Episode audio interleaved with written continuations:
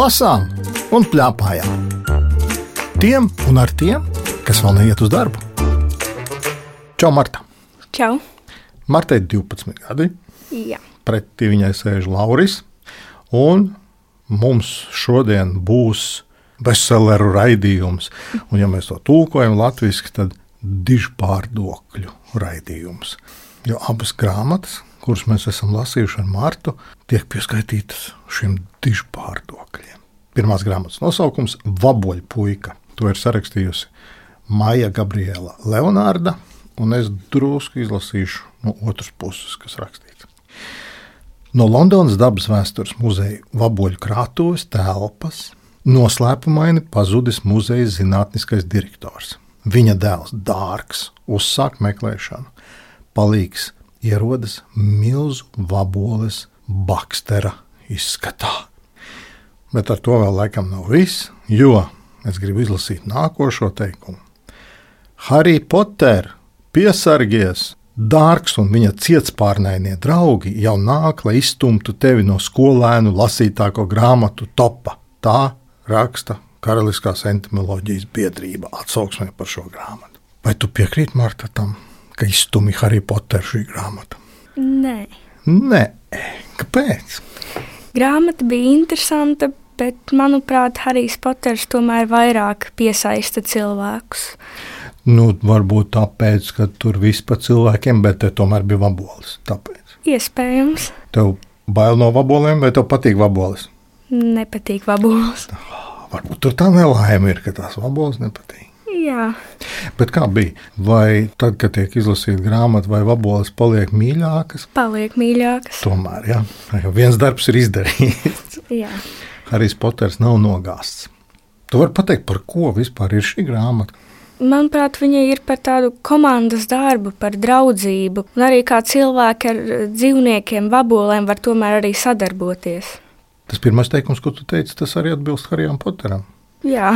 Bet tu pamanīji, ka tur arī ir šajā vaboļu puikas grāmatā ir tieši trīs personāži. Jā, tieši tas arī piesaistīja uzmanību. Vai ne? Jā, laikam mums tās vaboles mazāk piesaista kā tie draugi, kuri ir. Jā.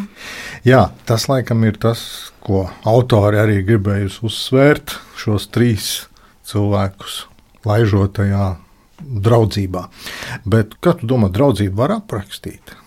Nē, tā ir tāda lieta, kur tu īstenībā nevari izteikt. Tā ir tāda sajūta vienkārši. Jo, ja kādam jautā, kas ir draudzība, es esmu mm. dzirdējis tādu atbildi, nu, draudzība ir draudzība. Mm, jā. Un laikam, ka, kā mēs varam aprakstīt tikai draudzību, tikai tad, ja tā tiek pārbaudīta. Jā. Par to ir vaboļpuika. Tev ir kāds gabals, kur tu izlasītu, un mēs sajustu, ah, tā grāmata skan šādi. Mums ir vabols, viņa roka pieskārās baksteram uz pleca. Neaizmirst savus labos draugus, Virģīnija piebilda plati smaidīdam. Jā, Bertolds pamāja, tikai nedaudz rakstura stingrības un gribas spēka, dārts pasmaidīja, un mēs esam nesakaujami. Lūk. Tas ir tas, ko Marta jau minēja par draudzību. Tas jau bija tās rezultāts, kā nu viņam tur gāja krustu šķērs, jo grāmata šis dižpārdoklis ir biezs cik labs puses, pār pa 300 lapām. Tu pamanīji, ka ir tik gara, vai aizrāvies un varēji izlasīt droši? Aizrāvos, mierīgi varēja izlasīt. Tad to mēs tomēr varam ieteikt, ka nebaidieties no tā, ka grāmata ir bieza. Jā. Lai sajustu vēl kā grāmata izklausās, lai nebūtu tā, ka o, viss tur tāds saulains un skaists. Es izlasīšu vienu citu gabaliņu no grāmatas.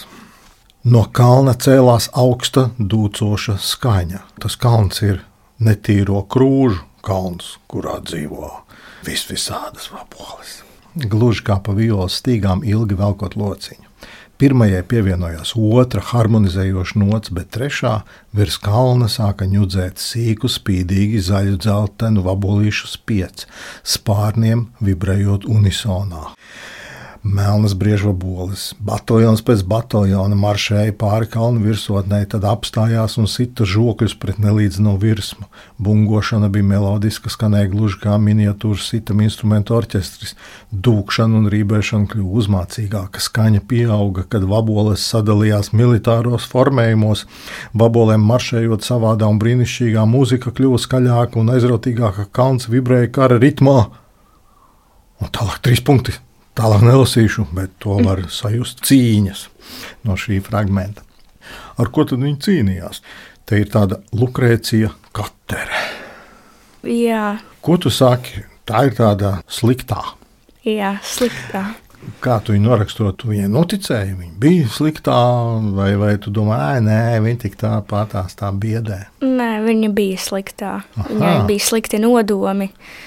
Bet mēs jau zinām, ka tādu vienkārši slikto cilvēku nav. Taču, vai ne? Jā, Ir kāds, kas grib kaut ko darīt, nu, tā kā mēs negribam.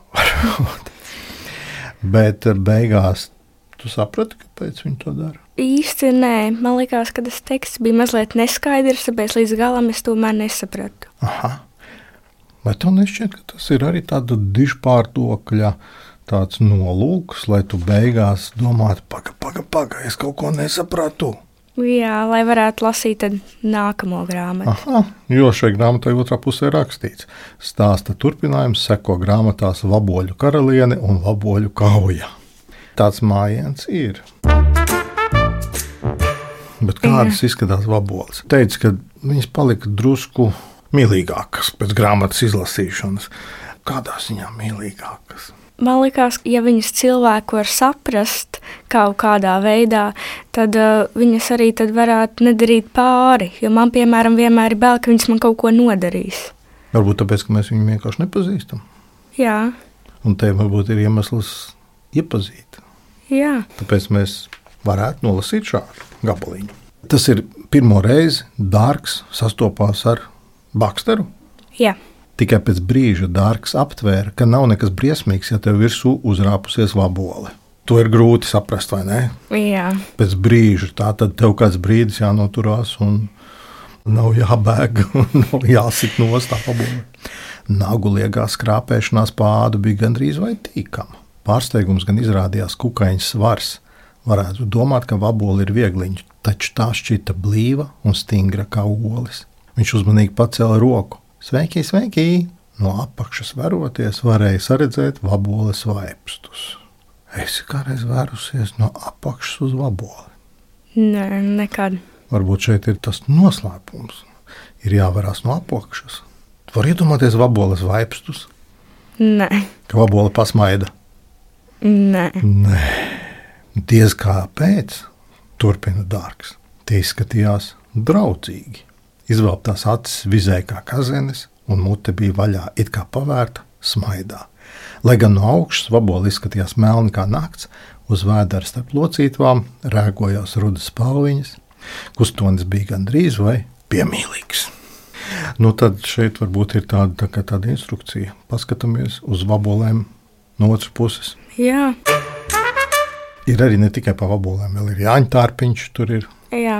vai ne, vienam no draugiem sāk piederēt stilīgs Jāņa Tārpiņš, kā viņš saka. Tu gribētu stilīgu Jāņa Tārpiņu, Jā, jā tā ir jā. vai ne? Un tā viņi tiek pie dažiem dažādiem draugiem. Bet nu, mēs tālāk nevaram nemaz runāt, jo tad mēs sāksim izpaust noslēpumus jā. par šo dižu pārdokli. Tātad dižu pārdoklis vaboļpuika. Interesanti, ko tā mamma saka. Man patīk, jo es no sirds izsmējos tajās vietās, kur bija stāstījums par šīm vabolēm, par to, kāda ir vaboļu māja, kādi ir šie pēlējumi, kā viņi taisa mēslu pumbas. Tāda fantastika, mazliet tā kā detektīvs, līdz ar to tā grāmata bija tāda aizraujoša. Tā kā jā, man patika.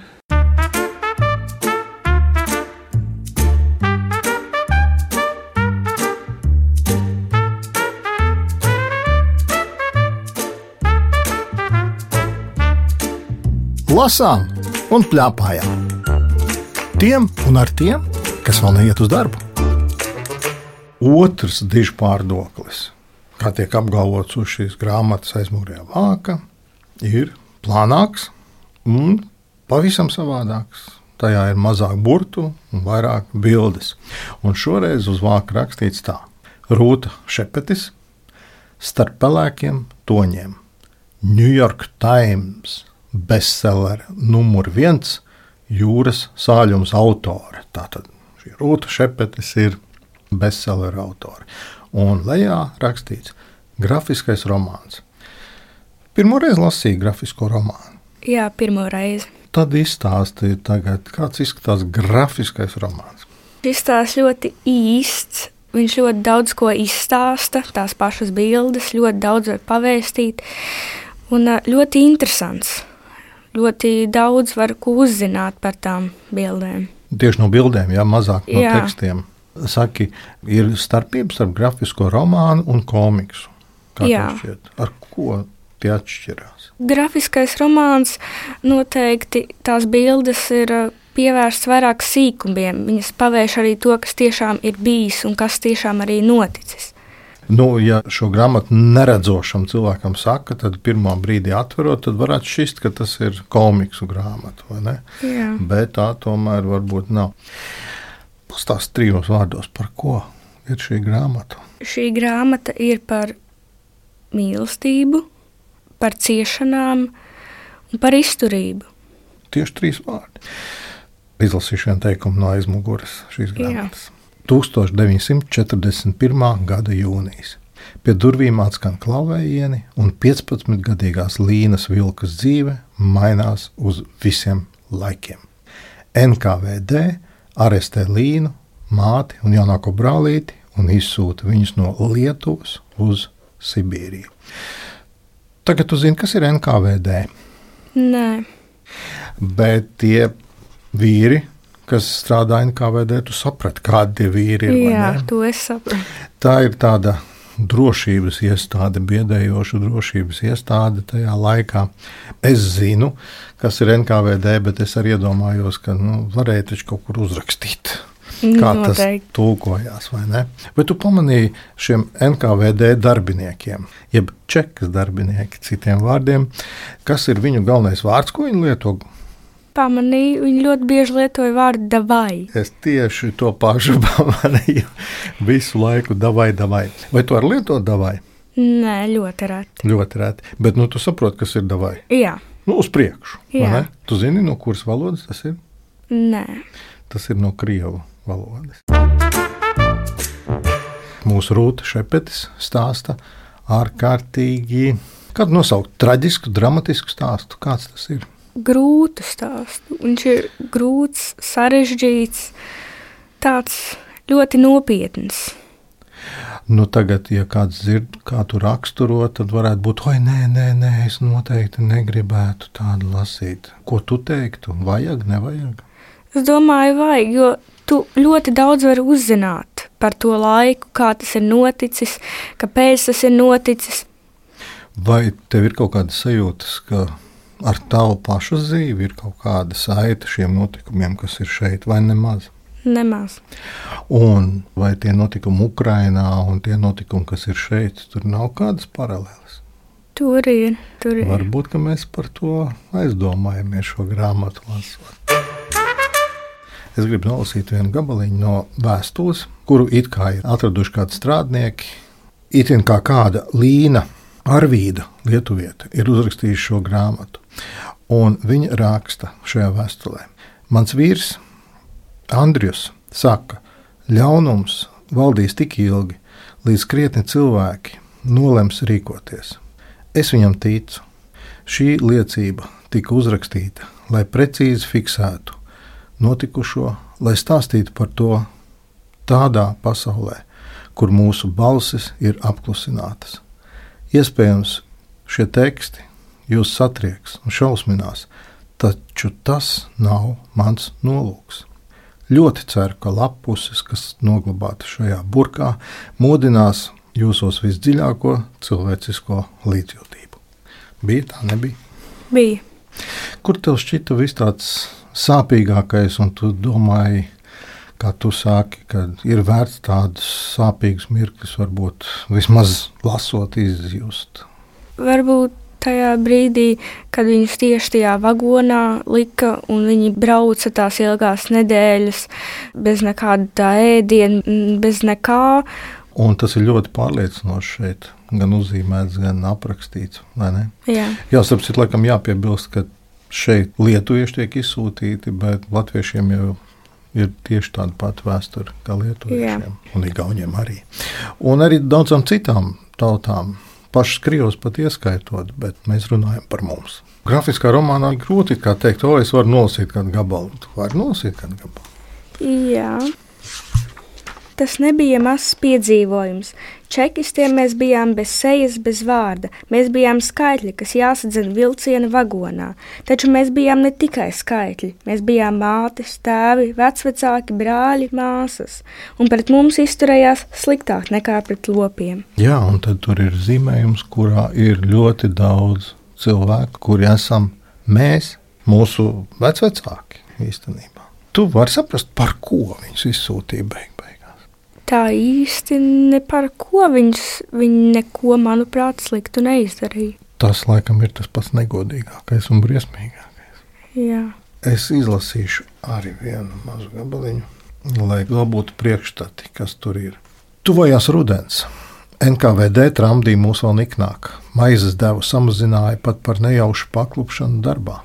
Bija grūti iztēloties, ka kaut kur Eiropā plosās karš, jo te pašā laikā plosās Otrais pasaules karš, tad, kad viņi ir šajā Sibīrijā.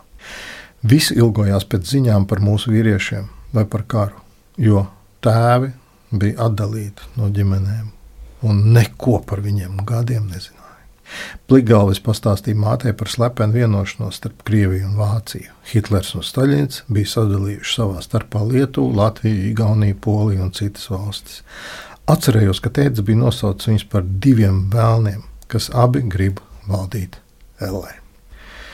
Mēs izkarojam paši savu karu, gaidot, kad čekisti izvēlēsies nākamo upuri. Tīrumos tiem patika mūs sist un spārdīt. Šeit mēs varam redzēt arī to, kur viņi strādā, kā viņi strādā.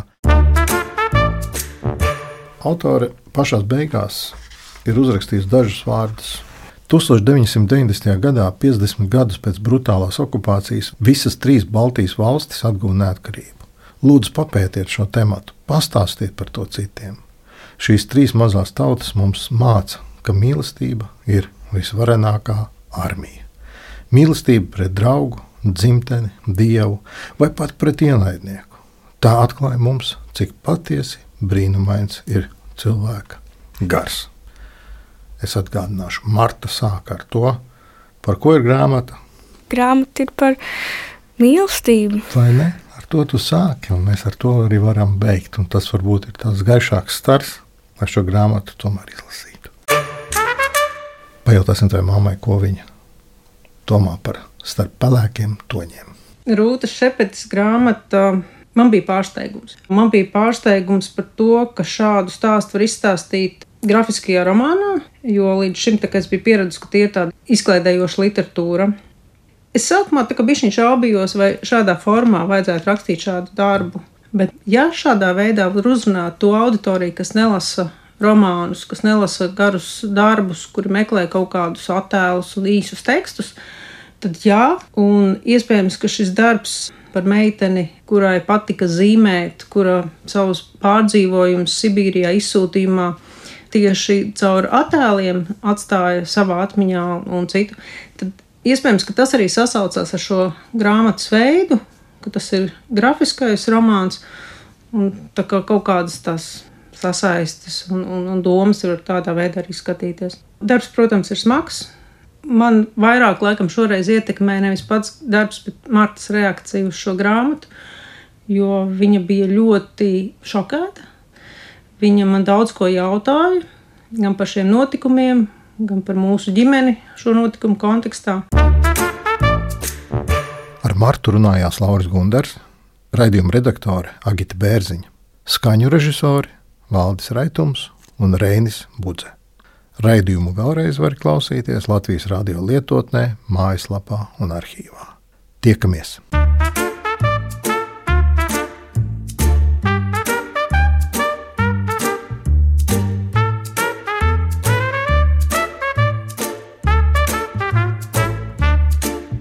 Lasām un plēpājam. Tiem un ar tiem, kas vēl neiet uz darbu.